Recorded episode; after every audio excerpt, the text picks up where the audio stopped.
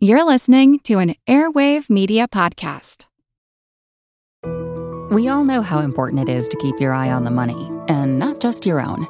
Stay on top of the latest financial and market news with Yahoo Finance, a podcast that releases new episodes almost every day.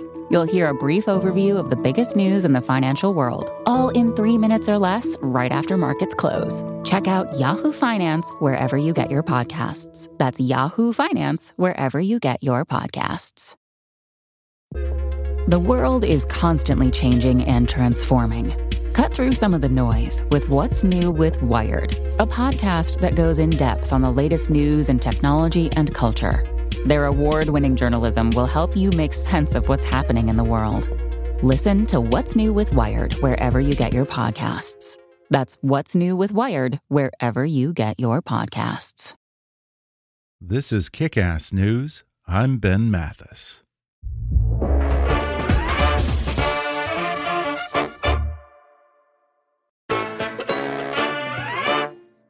Donald Trump's campaign chairman went to jail. So did his personal lawyer. His longtime political consigliere was convicted of serious federal crimes, and his national security advisor pled guilty to others. Several Russian spies were indicted in absentia. Career intelligence agents and military officers were alarmed enough by the president's actions that they alerted senior government officials and ignited the impeachment process. Yet, despite all of this, a years long inquiry led by special counsel Robert Mueller and the third impeachment of a president in American history, Donald Trump survived to run for re election. Why? CNN chief legal analyst Jeffrey Toobin attempts to answer that question in a highly entertaining, definitive account of the Mueller investigation and the impeachment titled True Crimes and Misdemeanors The Investigation of Donald Trump. And today, Jeff returns to the podcast to discuss why this was the hardest book that he's ever written and how he managed to gain access to a number of Robert Mueller's lead investigators, including a few of those so called angry Democrats. He reveals why Mueller declined to subpoena Donald Trump, why he never attempted to get a hold of Trump's financial records, and why he ultimately stopped just short of saying that the president had committed the crime of obstruction. He describes Mueller and Trump as not a story of good versus bad as much as old versus new, and he explains how Mueller's integrity and restraint may have been his greatest weakness, and how Trump's all star team of lawyers managed to outfox the investigation by dominating the narrative in the media.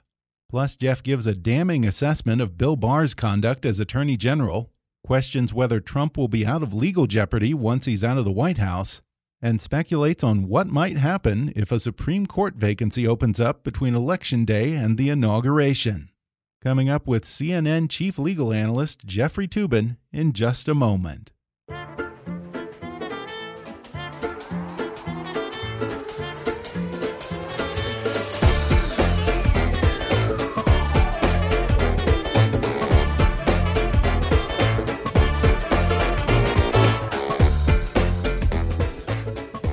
Jeffrey Toobin is chief legal analyst at CNN and a staff writer at The New Yorker.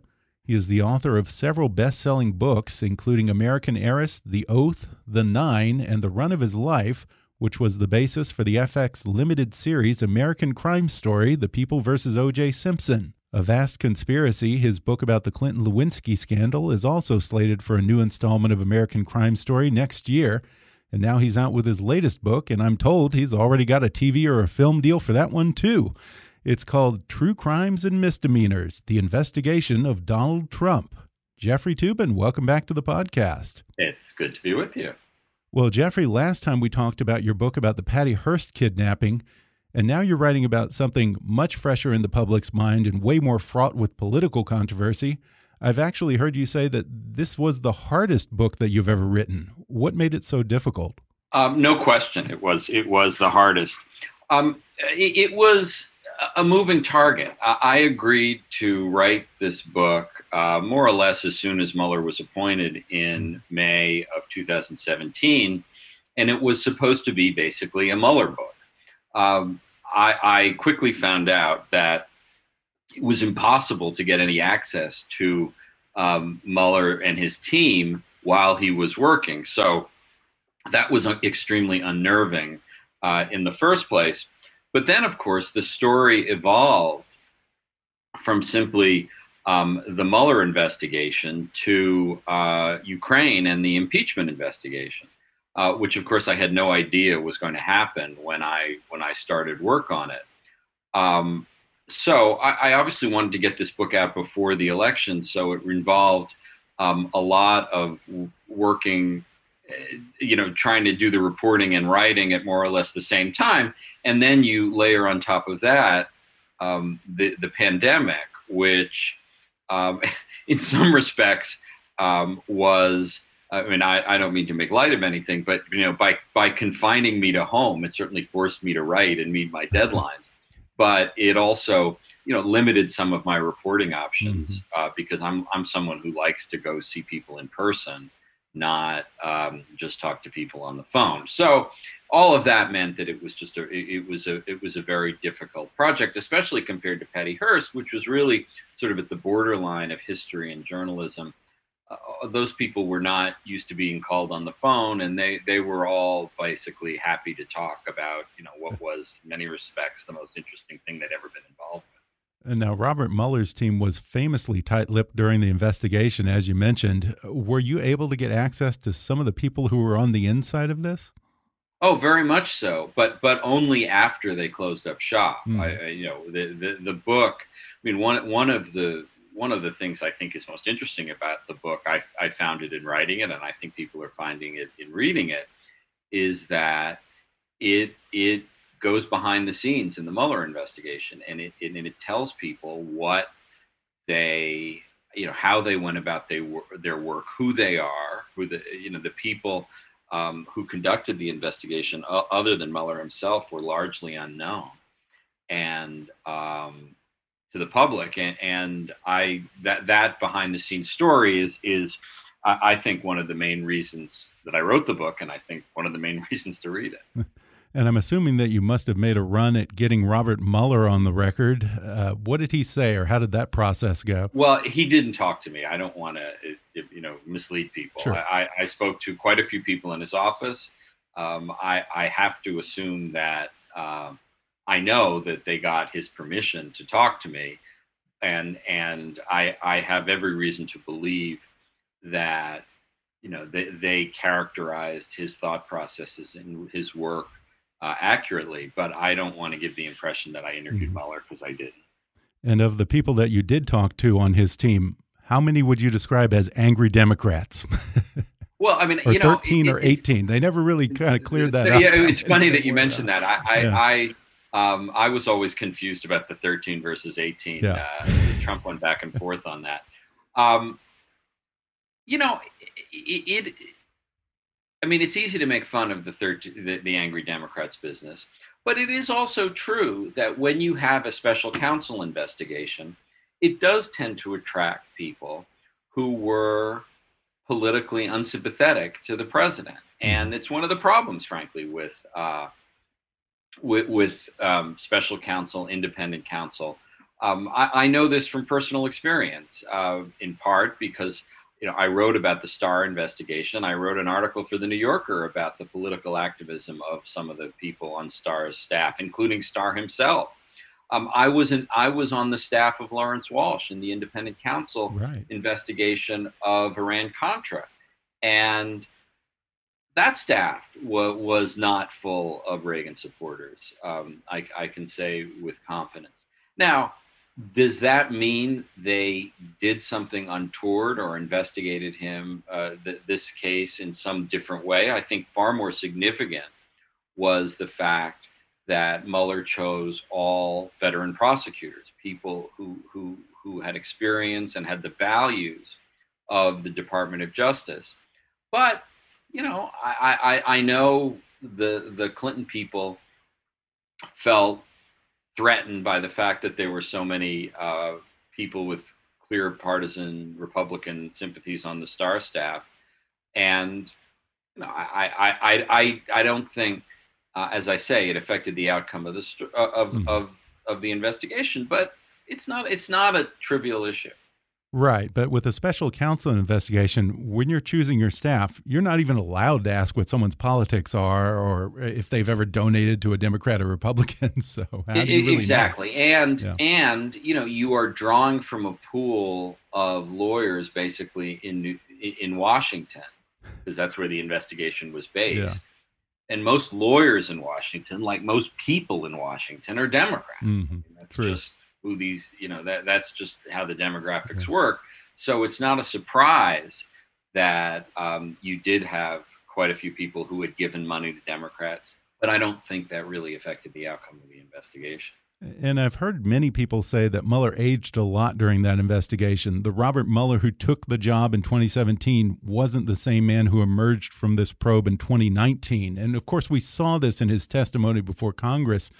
Did the people with whom you spoke say anything about the physical or mental toll that the investigation took on him? Yes, they did, and they said it took a toll. Now, I don't. Uh, I, I, think people can um, overstate um, the degree to which Mueller was um, affected by his age, but this was an incredibly grueling two years. Um, even though Mueller did not appear in public during these two years, he, you know, the the, the grinding pressure of this kind of seven day away, seven day work weeks, you know, topped by incredible amounts of scrutiny, tremendous criticism from the president of the United States, among others. It was draining. It was tough. The, the, the, a lot of the other members of his staff uh, compensated by eating. They talked about the Mueller 15. A lot of them uh, gained really? uh, gained 15 pounds during uh, during the course of the investigation.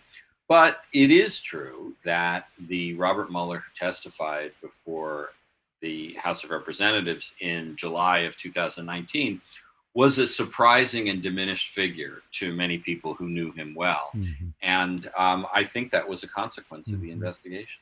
Well, let's talk about the other side. Trump's team of lawyers, even his legal team, true to form, made for a pretty interesting cast of characters. You had Jay Sekulow, uh, John Dowd, Rudy Giuliani, and I'm pretty sure there's one or two that I'm forgetting right now. Oh, well, there, there, there are quite a few that, yeah. that, you were forgetting. It was a, right. it was a large cast by the end, uh, but I think you you you identified the three the three main ones, right. and you know as as I write in the book. Um, there was a lot of similarity to the team that Trump assembled for his um, 2016 campaign. It, it, was chaotic. It was driven by internal rivalries. Uh, Trump um, was full of criticism for them. The other thing it had in common was they won, and uh, they, there was, I think, some very good lawyering uh, done by um, by, by by that group, particularly Dowd, Trump, uh, Dowd, um, Sekulow, and, and, Giuliani. Most importantly, in a story I tell at some length in the book, is about how they forestalled uh, Mueller's effort to get Trump to testify, either mm-hmm. voluntarily or through a grand jury subpoena, and managed to get Mueller to settle for a um, written questions and answers that were largely written by two of other members of Trump's team, uh, Jane and Marty Raskin, two Florida lawyers, and and you know they, they were almost uniquely um, uh, un, un, uninformative because you know when lawyers write answers to questions they design it so that they can't be disproven by mm-hmm. other facts it, that that I, I don't mean anything untoward that, that the Raskins did, but that was more their work than Donald Trump's work. Um, so Mueller really didn't get much out of those written questions and answers. Yeah, the president's lawyers, I mean, pretty much all but admitted that they didn't want him to meet with Robert Mueller because he has this compulsive need to exaggerate and play with the truth. They basically said he can't help himself. Is it a given that he would have lied in that interview and probably dug himself in a deeper hole? Well, I, I don't know. You know, one of the interesting things uh, is is that Trump has had an extremely litigious career, and um, in, the private sector, and he's given a lot of depositions. I, I think what he does is filibuster more than he more than he uh, lies. Hmm. Um, he saves his lies for Twitter and his press conferences. Um, but um, so I, am not sure that you know Trump would have lied had had he been examined. But the lawyers were smart enough to know that it was a terrible risk and, and a hmm. needless risk. Um, so they were going to fight every way they could uh, to avoid it. And if Mueller had subpoenaed Trump, they certainly would have challenged it in the courts um, and and had a multi-month battle over it. Um, I, you know, I, I, I still think it was a, it was a mistake on Mueller's part not to begin that battle because, you know, as, as informative and detailed as the Mueller report is, and I think it is quite detailed, uh, the absence of Trump's voice from it is is notable yeah. is is notable and unfortunate. Yeah. And I remember how Trump's legal team would frame a potential interview as a quote unquote perjury trap, as if Mueller was somehow trying to trick the president or trip him up. Isn't that term a misnomer? I mean, you're either lying or you're not. Can someone really fool you into perjuring yourself? I, I don't really even understand what the words perjury right. trap mean. uh, it's funny, you know, every time one of these scandals um, happens, there there starts to be a new vocabulary vocabulary that comes around. I mean, perjury trap is not a new phrase, uh, but yeah, I mean, if you tell the truth, you can't be trapped. Yeah. Uh, another phrase that, that that you know I I literally had never heard before, despite a lifetime spent in the world of criminal justice. Process crimes. It's like, oh, obstruction of justice is only a process crime. Well, so what? I mean, it's like a, it's a crime, and and and I, I, I don't know what a process. I mean, I I know what it's used to, to describe, but I don't understand mm-hmm. why it's sort of like okay to commit a process crime, but not some other kind of crime. Right, right. And even Trump and his team's use of the word collusion. Collusion is not a legal term, at least within this context. I mean, there's coordination, I guess, or something like that. Well, conspiracy. Conspiracy, um, right. But but you know, it, it is. Um, you know, I mean, one of the things that you know Mueller investigated at great length and did not find was some sort of meeting of the minds between Trump mm-hmm. and any sort of Russians during the 2016 campaign, any sort of agreement, a conspiracy to commit illegal acts. Um, the the peculiar thing about it is Russia did an extraordinary effort to help Trump win this election. And one of the things I spell out in the book is just how Mueller identified, and it really is an extraordinary piece of detective work, both the Internet Research Agency through the use of social media out of uh, St. Petersburg, and even more extensively by the Russian military intelligence in Moscow to hack uh, the Democratic National Committee emails and later the emails of John Podesta, Clinton's campaign chair. That was an incredibly elaborate effort to, by Vladimir Putin's regime to help Donald Trump get elected president. Trump encouraged it, but there was no evidence, at least that Mueller found, or certainly that I found, that there was direct communication between the two or agreements between the Russians and Trump and by that definition, and I think, you know, in fairness, you have to say it, there was no crime committed by Trump with the Russians.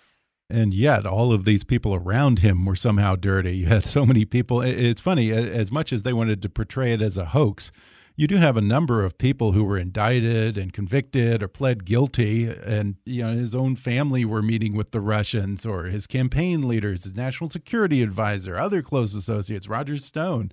I right. mean, how is it everyone around Trump is dirty, but none of it ever touches him?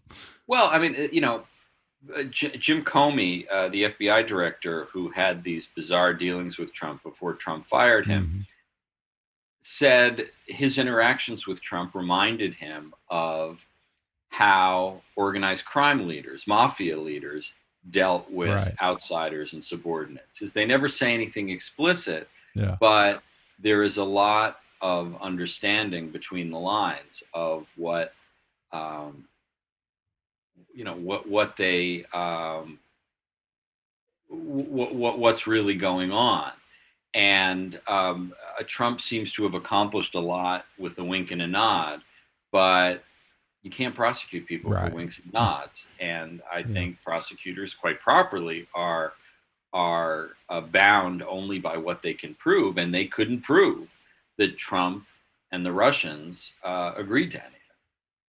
We're going to take a quick break and then we'll return with more when we come back in just a moment.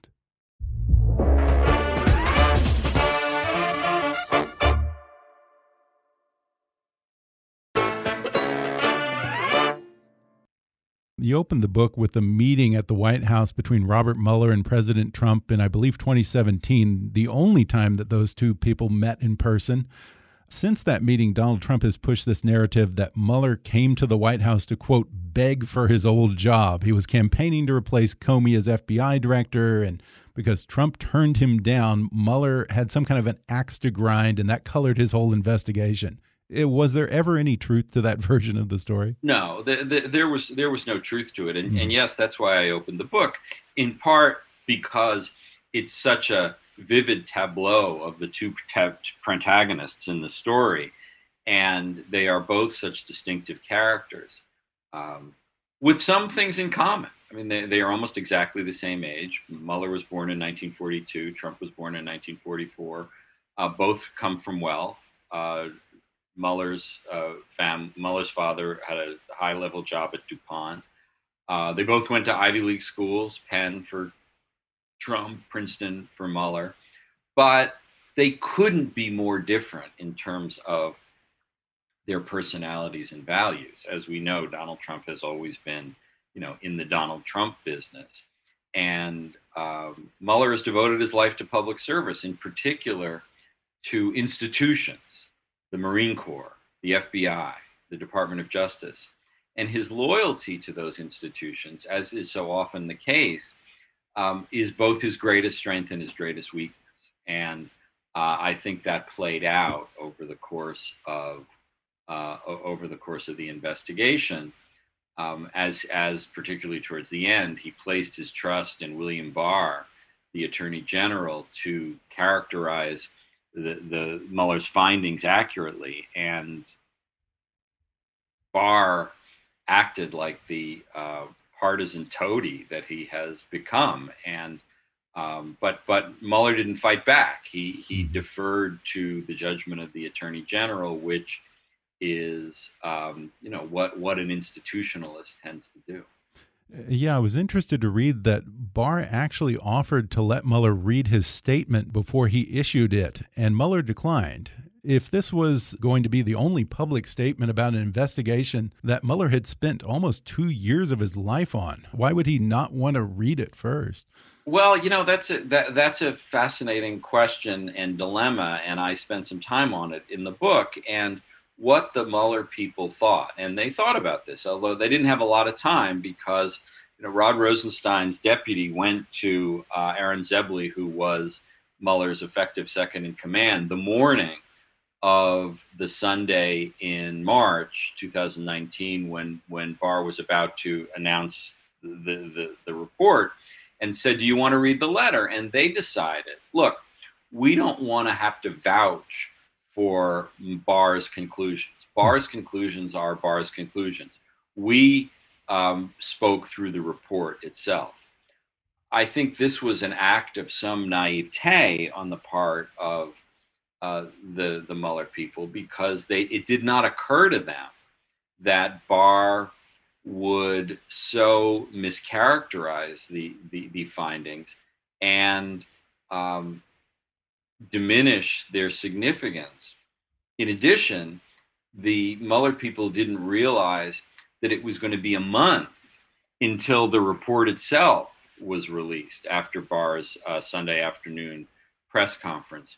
So for a month, the only thing the public heard was this uh, real mischaracterization of Trump's uh, of Mueller's findings, and that um, I, the, the Mueller's team didn't have a sufficiently cynical and and and uh, political turn of of thinking that they realized they were setting their themselves up for that problem. Uh, yeah, the picture that you paint of Mueller in this book is almost of a guy who comes from a totally different era and is a little bit lost in this new era of win at all costs, political media spin, and everything. Do you think that he had too much restraint? Was was he almost too honorable in the way that he went about this? Uh, yes, I, I, mean I think that that's that's one way of that's one way of putting it. Um, I don't um, I, I I don't think it was um, naivete is exactly the word. I think mm-hmm. you know I, I, say at one level it, it, it's it's a confrontation between good and evil more to the point is that it's a com- it's it's a confrontation between old and new. Mm-hmm. That that right. Mueller comes from the old school where he, um, you know, where prosecutors don't say anything, where they uh, just speak in court and and that's it. Um, I, I what what Giuliani in particular did was he used his public platform to turn Mueller into a political partisan. And he mobilized Trump supporters against Mueller and dis- disparaged Mueller in extraordinarily personal and misleading terms.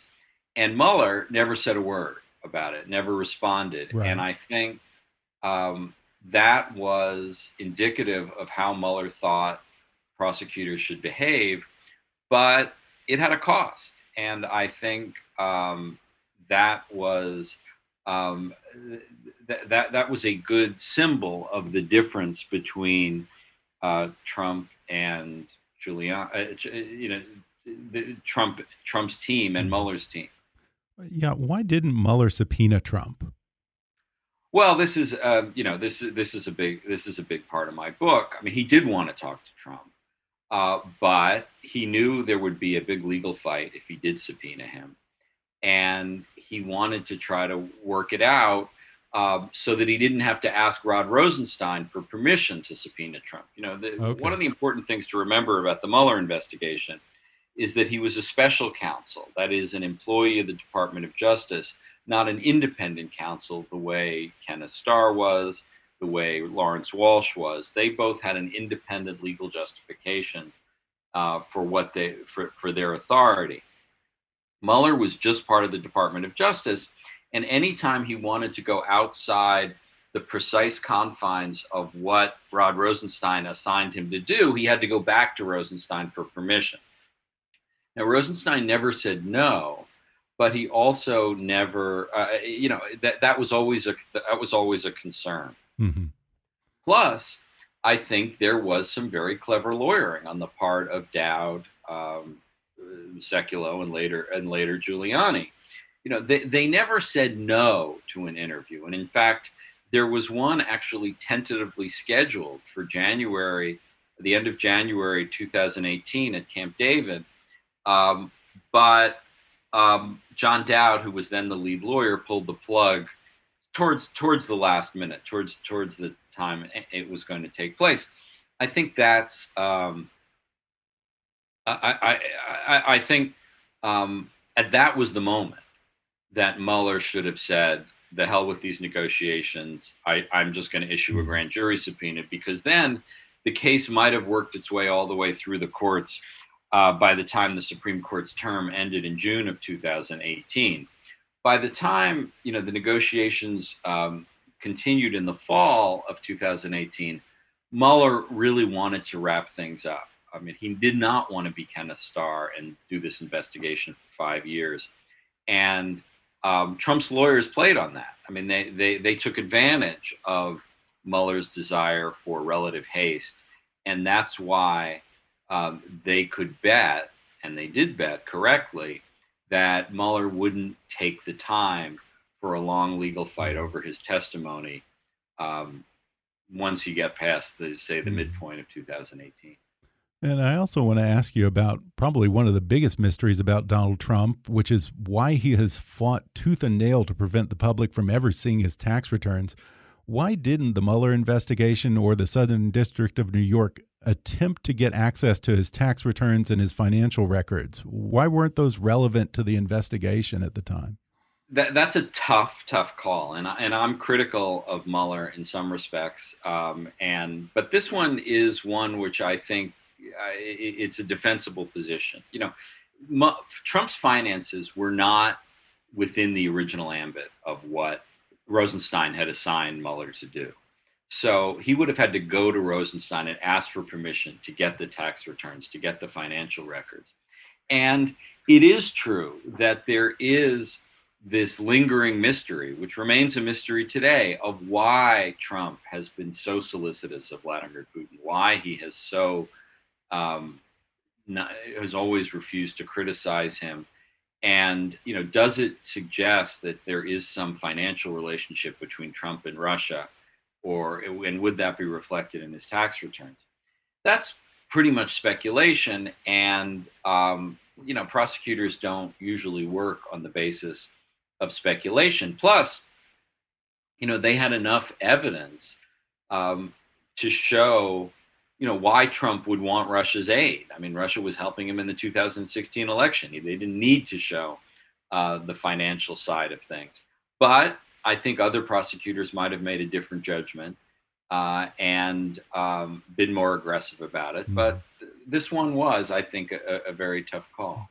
With regard to the other issue under investigation, you say that Trump was far guiltier of the crime of obstruction than either Clinton or Nixon, and yet Mueller in his report stopped just shy of saying that the president committed the crime of obstruction. What was his thinking in hinting at a crime but not saying it explicitly? Yeah, the, these are my two big criticisms of Mueller the, the failure to subpoena and the way he characterized the obstruction of justice in the uh, in his final report.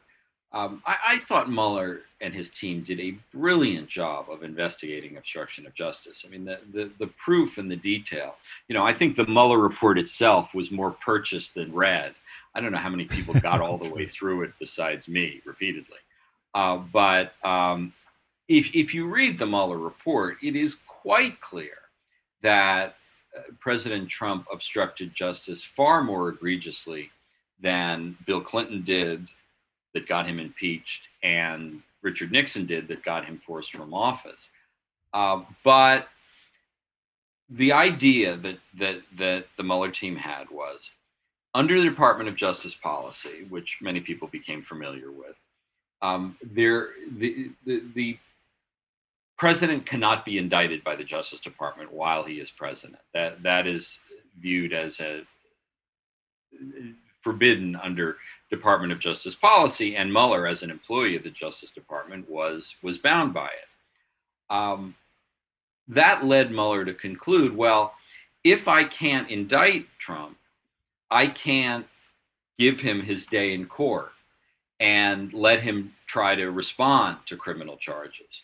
So I'm not going to even say anything about whether um, there were um, uh, grounds for a prosecution hmm. against Mueller, against Trump. And I think that was um, really an over generous reading of the law, over generous to mm-hmm. Trump, which basically led Trump to be able to say that he was vindicated in the report when he wasn't. And then and, and Barr, Barr said the same thing. Um, I, I, just think um, it was uh, an act of undue restraint and undue deference to the president that had enormous consequences mm-hmm. and and I thought undermined the really great work that the office had done in proving that that the president had obstructed justice. But again, that was an example of Mueller's deference to institutions, which is really a touchstone of his character. Yeah. And since then, little by little, Bill Barr has done his damnedest to dismantle everything the Mueller investigation did. He tried to reduce Roger Stone's sentence and drop the case against Michael Flynn, even though Flynn had already pled guilty. And now he's investigating the Mueller investigation itself. There's even speculation that Barr might even be cooking up an October surprise. Let me ask you in the long history of this Justice Department, have you ever seen an attorney general so brazenly political and cravenly beholden to the man who put him there? It's, I mean, you know, I, I look at this both as a journalist, but also as someone uh, who was in the Department of Justice myself. I mean, I, I, was an assistant U.S. attorney. I was just a line prosecutor. I wasn't anything at any high level. But, you know, I do know the traditions and norms of the Department of Justice, and they are really honorable and admirable. Um, you know, everyone knows that the Attorney General is a, a political appointee, but the tradition of uh, working in, with political independence is um, is really a strong one there. And to see Barr pervert those traditions in such egregious ways over and over again, mm. and in mm-hmm. ways that have really never been done before. I mean, the idea that the only defendant uh, William Barr intervenes on behalf of to lower his sentence was Roger Stone, the president's friend. And, you know, I've asked around, I've never heard of the Department of Justice uh, moving to overturn a conviction when the defendant has pleaded guilty, and now to order this autopsy of the uh, Russia investigation, which you know Barr has all but said is going to come out before the election, is just a really shameful chapter in in in the Department of Justice's uh, history, and you know it's it's all at Barr's at Barr's feet. Well, sooner or later, Trump will no longer be president, whether that's a year from now or four years from now, and he will no longer have the protections of that office. He will be fair game for indictment again. Do you think that there will be much of an appetite, specifically with the U.S. Attorney for the Southern District, to keep pursuing Trump? I mean, realistically, could Donald Trump still one day see the inside well, of a jail cell? I don't think there will ever be a federal, a, further federal criminal investigation okay. of Trump. I, I think if Biden wins he is not going to want to spend uh, his political capital on a case like that. That would, of course, suck up all the oxygen in Washington. And uh, Biden has a much more extensive uh, legislative and, and, agenda that that doesn't include that. The wild card is the Manhattan District Attorney. Now that is that is an active investigation, and the Supreme Court ruled that Cyrus Vance, who was the Manhattan DA, will be able to get access to Trump's financial records, right, uh, including his tax returns. And I think that investigation is going to continue regardless of whether Trump wins. And that is an investigation under state law, not federal law. So there is nothing the Justice Department could do to uh, to, to to forestall it um, or, or, or to stop even an indictment from, mm-hmm. from coming out. I mean, it is a completely separate uh, source of authority that, that state prosecutors have. Now, I, I don't want to assume that um, Vance will find evidence of criminality on the president's part. I think a lot of the president's critics are far too quick to assume that there is sort of all this evidence of criminality out there. I haven't seen it but there might be. And I think if there is, Vance will bring those cases, mm-hmm. regardless of whether Trump is president or not. Well, in the last couple minutes we have left here, I do want to ask you a little about the Supreme Court. What do you make of Chief Justice Roberts' decisions in the last term? Is, is something going on internally with him? Is he changing? What's happening right now? Well, I, you know, I don't have um, access to uh, the innermost thoughts of the Chief Justice, but you know, as someone who's followed him very closely uh, for a very long time, he's now been Chief Justice for 15 years. Uh, I do think he's changed. I, I do think that um, he has not quite become a never Trumper, but I think he is someone who is worried about how Trump has, tram- ha- has trampled on the norms and in some cases the laws of um, how a president is supposed to behave. You know, just in the past year, you know, the president, uh, the, the chief justice voted to strike down the the abortion laws in Louisiana, to strike down um, or, or, or, to, to assert that that um, um, gay people have you know can't be fired for no for no reason under Title VII of the uh, of the Civil Rights Act. You know that the Trump administration didn't follow appropriate procedures in trying to um, end the protections for the Dreamers and acted appropriately in adding a citizenship question to the census. I don't believe that the John Roberts of five years ago or ten years ago would have voted the same way. I can't prove that. Uh, but I do think um, something is going on with Roberts that you know shows he's certainly not become some liberal, but he is is he he is turned off by how Donald Trump has conducted his presidency. And if there's a vacancy on the Supreme Court between November and January, is it just a given that Mitch McConnell will try to fill that seat? And would there even be enough time to get that done? Well, you know, I, I've tried to, to research that question, and and I think you know the the fastest that could be done basically is about six to eight weeks, and it's pretty much got to be done by the end of the year, not January twentieth, okay. because the the Senate, the new Senate is sworn in at the first of the year, not right. not the uh, not not when the president is sworn in right. on January twentieth. Um, you know. McConnell doesn't have a big margin for error. Uh, he's only got 53 Republicans. Um, I think some Republicans would be uh, appalled um, by the hypocrisy of blocking Merrick Garland's nomination, you know, 11 months before the end of Barack Obama's turn and trying to jam someone through, uh, you know, in the last weeks of Trump's. I never bet against Mitch McConnell, though, I, and and so I I he he will do his darndest if if he can, and we'll and we'll see if he can. Mm -hmm. Well, before we go, I mentioned in the intro that I've heard that you've already sold the TV or movie rights to your latest book. Any thoughts on casting?